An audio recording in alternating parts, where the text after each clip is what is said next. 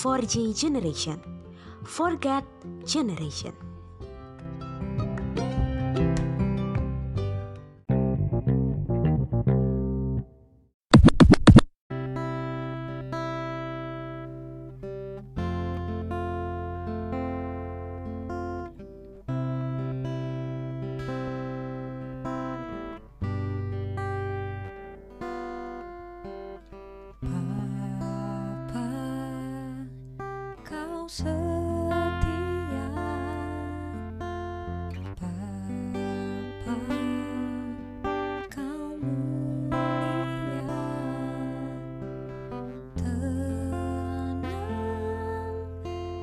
情。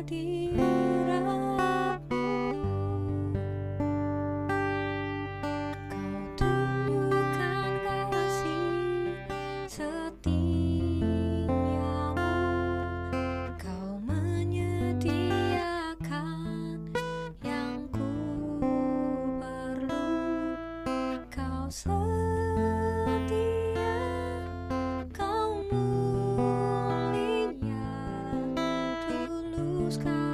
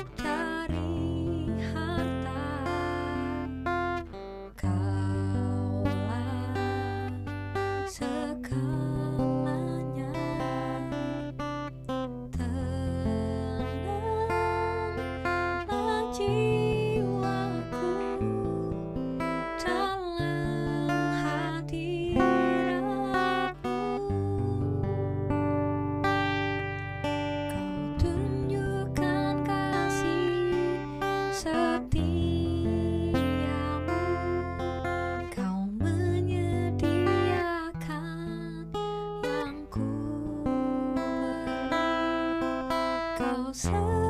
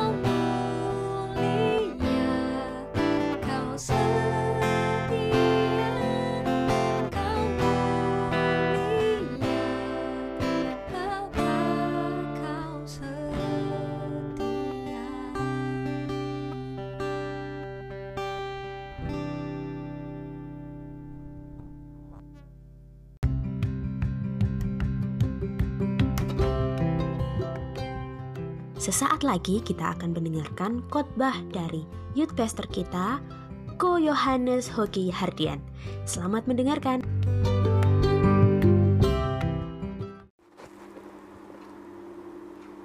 Shalom teman-teman.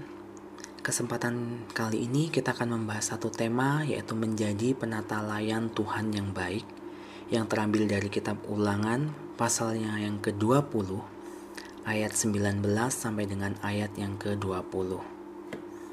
Tapi sebelumnya mari kita sama-sama tundukkan kepala, kita kita bersatu di dalam doa. Tuhan Yesus terima kasih buat kasih-Mu, terima kasih buat anugerah-Mu. Kami tahu Bapa, Engkau sangat mengasihi setiap kehidupan kami, sebab itu Engkau mengizinkan kami Tuhan, untuk kami boleh Bapa kembali bersekutu dengan firman-Mu. Tolong kami Tuhan untuk kami boleh memahami setiap kebenaran firman-Mu. Buka mata rohani kami dan juga buka Tuhan telinga rohani kami, sehingga Bapa setiap apa Tuhan yang Tuhan berikan kepada kami pada saat sore hari ini kami boleh menerimanya Tuhan dengan iman. Dan kami tidak hanya menerimanya tetapi kami rindu menjadi pelaku-pelaku firman-Mu. Bersyukur buat kasih-Mu Bapa. Dan sebentar kami akan mendengarkan firman Tuhan. Biarlah Engkau sendiri Bapa yang boleh memberikan konsentrasi kepada kami di dalam nama Tuhan Yesus Kristus kami mengucap syukur dan berdoa haleluya amin saya percaya kalau kita semua tidak asing dengan kata penata layanan. Kata penata layanan itu adalah satu tindakan mengelola sesuatu seseorang percayakan kepada kita. Dan hari ini kita akan membahas tentang penata layanan itu dari satu teks firman Tuhan yang berbicara tentang peperangan. Nah, mungkin teman-teman sedikit bingung, apa sih hubungannya peperangan ini dengan pohon, dengan manusia, dan dengan penata layanan ini?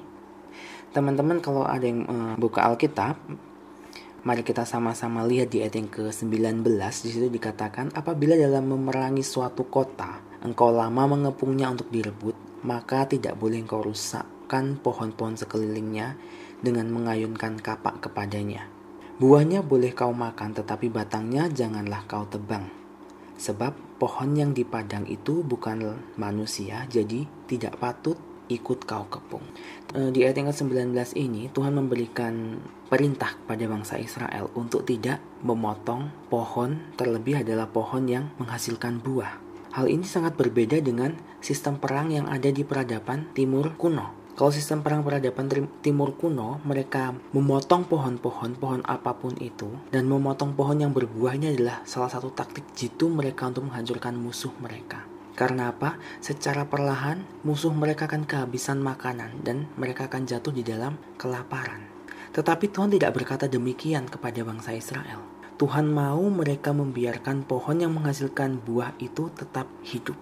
Buah-buahan ini bukan hanya menjadi sumber penghasilan mereka, tetapi buah-buahan ini menjadi sumber makanan. Tidak hanya bagi orang-orang di kota itu, tetapi juga bagi orang-orang miskin janda dan anak-anak yatim piatu kalau kita lihat di dalam ulangan 24 ayat yang ke-20.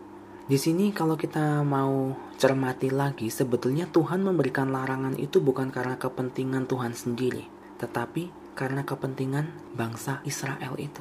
Mungkin teman-teman bertanya loh, kok bisa?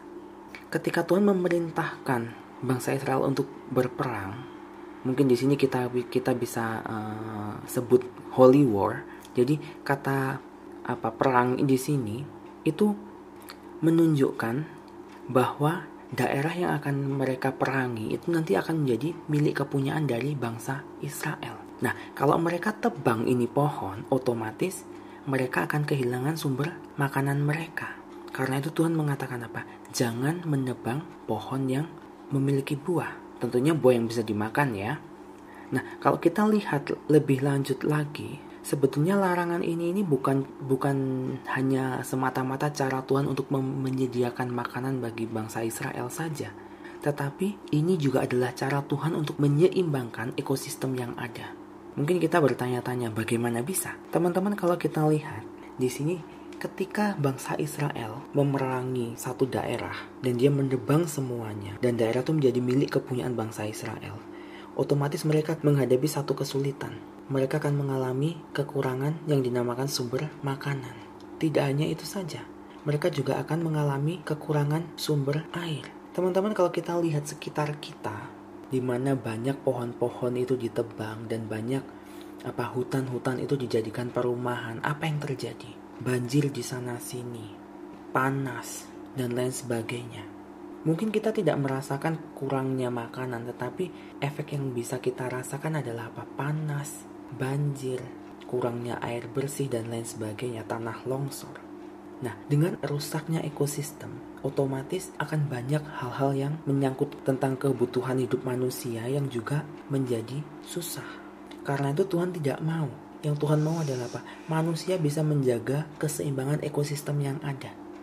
Sehingga mereka bisa hidup tanpa kesulitan, terlebih tentang makanan, air, iklim dan lain sebagainya. Sebenarnya larangan ini adalah bukti dari kasih Tuhan bagi umatnya. Kalau teman-teman teringat kisah penciptaan, di situ tidak dikatakan hari pertama Tuhan menciptakan manusia langsung enggak. Tuhan menunggu hari pertama, hari kedua, ketiga, sampai hari yang keenam baru Tuhan ciptakan manusia. Alasannya kenapa? Karena Tuhan mau menyediakan semua yang terbaik buat manusia. Yang Tuhan mau adalah sebelum manusia diciptakan, itu segala sesuatu yang mereka butuhkan itu ada. Sehingga ketika mereka ada di taman Eden itu, mereka tidak kekurangan apa-apa yang mereka perlukan. Hal yang sama juga Tuhan berikan dalam kehidupan bangsa Israel sebelum mereka menempati tanah yang akan menjadi milik kepunyaan mereka, yang Tuhan mau adalah apa? Menjaga sumber makanan mereka, menjaga sumber kehidupan mereka. Dan ini adalah bukti kepedulian Tuhan terhadap manusia. Dan gak hanya cukup manusia saja, tetapi ini juga bukti kepedulian Allah terhadap ciptaannya. Teman-teman bayangkan kalau satu hutan itu digunduli atau ditebang, otomatis burung-burung yang biasa bertengger di, di atas pohon-pohon itu juga kehilangan tempat tinggal. Hewan-hewan yang berteduh di bawah pohon itu juga kehilangan tempat tinggal. Yang terjadi apa? Kebakaran hutan. Yang terjadi apa? Kekeringan. Yang terjadi apa? Tanah longsor dan lain sebagainya. Dengan menjaga keseimbangan ekosistem yang ada, Tuhan juga menjaga kehidupan dari seluruh ciptaannya. Sungguh satu hal yang menarik. Kalau di ayat-ayat lainnya kita melihat Tuhan peduli kepada manusia, tetapi di ayat ini kita bisa melihat bahwa Tuhan ternyata peduli loh dengan alam ciptaannya, dengan bumi ini. Karena itu Tuhan mengatakan apa? Jangan engkau perangi pohon-pohon yang ada. Karena apa? Pohon-pohon itu tidak punya tanggung jawab moral kepada Tuhan. Yang punya tanggung jawab moral kepada Tuhan adalah manusianya. Jadi yang Tuhan mau untuk bangsa Israel bunuh adalah manusia-manusianya itu. Dengan memelihara pohon ini sebetulnya, bangsa Israel sama seperti memelihara kehidupan. Dan satu hal yang sangat unik kita lihat di sini, bahkan di tengah-tengah peperangan sekalipun, Tuhan masih memikirkan kehidupan umatnya. Tuhan masih peduli dengan umatnya dan ciptaannya. Yang Tuhan katakan apa? Kalau kamu menaati perintahku, maka kamu akan mendapatkan kehidupan. Sebab itu kita bisa melihat di kitab ulangan ini, Tuhan menyatakan dirinya sebagai Tuhan yang memberikan kehidupan kepada umatnya. Teman-teman, firman Tuhan pada saat sore ini mengingatkan kita bagaimana Tuhan sangat peduli terhadap ciptaannya. Bukan hanya manusia saja, tetapi juga semua ekosistem yang ada. Dan saat ini kita diberhadapkan dengan satu kondisi di mana bumi kita semakin hari semakin tua Kekacauan iklim banyak terjadi di mana-mana. Kerusakan alam banyak terjadi di mana-mana. Entah itu gunung meletus, entah itu kebakaran hutan, entah itu banjir, dan lain sebagainya. Dan oleh karena kerusakan itu, banyak sumber-sumber kehidupan baik bagi hewan, tumbuhan, atau bagi manusia sekalipun, itu sudah mulai hilang, sudah mulai lenyap satu persatu. Tapi sayangnya, banyak manusia yang tidak peduli juga terhadap lingkungan mereka. Banyak manusia yang tidak peduli terhadap kemerosotan ekosistem kita. Atau mungkin kita sendiri tidak peduli dengan lingkungan kita. Kita sendiri tidak peduli dengan apa ekosistem yang kacau di sekitar kita. Kalau kita melihat kembali apa yang Tuhan berikan kepada Adam dan Hawa, apa yang Tuhan perintahkan kepada mereka di dalam kejad kitab kejadian pasal yang pertama, kita melihat bahwa Tuhan memanggil Adam dan Hawa untuk mengelola Taman Eden itu dengan baik. Dan panggilan Tuhan kepada Adam dan Hawa ini juga menjadi panggilan kita, yaitu menjadi penata layan Tuhan. Tuhan mau kita semua bertanggung jawab mengelola bumi ini. Tuhan mau kita menjadi orang-orang yang peduli terhadap ciptaan Tuhan. Karena apa? Kecerobohan kita akan penata layanan ini mengakibatkan satu keadaan yang fatal, yang mengakibatkan kesusahan, mengakibatkan penderitaan. Saya percaya kalau kita semua saat ini merasakan efek bagaimana pemanasan global itu. Saya percaya kalau kita juga merasakan bagaimana iklim di Indonesia juga sekarang ini kacau. Yang waktunya musim penghujan jadi kemarau, yang waktunya kemarau jadi musim penghujan. Teman-teman, kalau kita melihat hari demi hari yang kita lalui dan kita coba merenungkan kembali, sebetulnya masa COVID ini adalah satu masa di mana Tuhan itu seolah-olah meriset ulang bumi kita. Jadi di mana aktivitas manusia yang selalu bertumpuk-tumpuk, di mana aktivitas manusia yang selalu padat itu sekarang berkurang. Sehingga apa? Langit yang dulunya abu-abu karena polusi sekarang menjadi langit yang biru. Orang yang dulunya ke pantai buang sampah dan lain sebagainya sekarang berkurang. Kalau kita mau melihat satu sisi positif dari COVID, kita bisa melihat masa ini adalah masa di mana Tuhan memberikan peristirahatan dan juga pemulihan bagi bumi ini. Sebagai generasi muda, Tuhan mau mengingatkan kepada kita untuk menjadi pengelola-pengelola taman Tuhan yang bertanggung jawab yang dengar-dengaran kepada Tuhan. Sehingga apa? Kita bisa mempunyai kepedulian terhadap alam semesta ini. Bukan dieksploitasi tetapi kita coba untuk merawatnya. Kita coba untuk bagaimana kita bisa dengan tanggung jawab. Tuhan tidak melarang kita memakan. Ayat 19 mengatakan apa? Kamu boleh memakan tetapi tidak boleh dirusak. Ini adalah panggilan Tuhan bagi kita semua.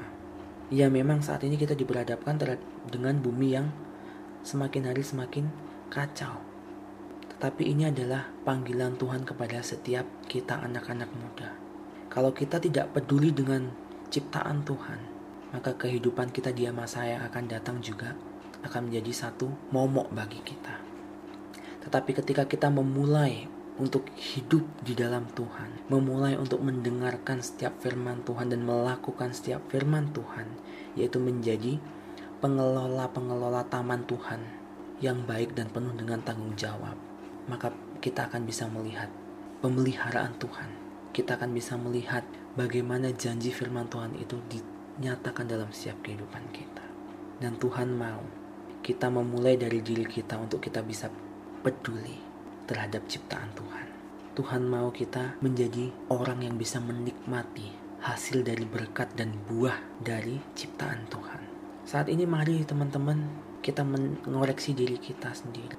Apa yang bisa kita perbuat untuk kita bisa memelihara, untuk kita bisa bersama-sama menjadi rekan sekerjanya Tuhan untuk memulihkan ekosistem yang ada. Banyak hal yang bisa kita lakukan. Contoh yang paling simpel sederhana adalah kita bisa mulai mengurangi sampah. Kita bisa memperkecil produksi sampah kita. Kita bisa apa? Memilah-milah sampah kita. Tindakan kita terkecil apa pun itu, ketika kita bisa menunjukkan kepedulian kita terhadap alam ini, itu menyenangkan hati Tuhan. Dan itu akan membawa satu dampak juga bagi dunia ini. Mari, saat ini saya mengundang setiap kita, teman-teman 4G, untuk kita bisa menjadi penata layan Tuhan yang baik, yang bisa membawa dampak bagi kehidupan masyarakat di sekitar kita yang membawa dampak bagi dunia ini. Tuhan Yesus memberkati.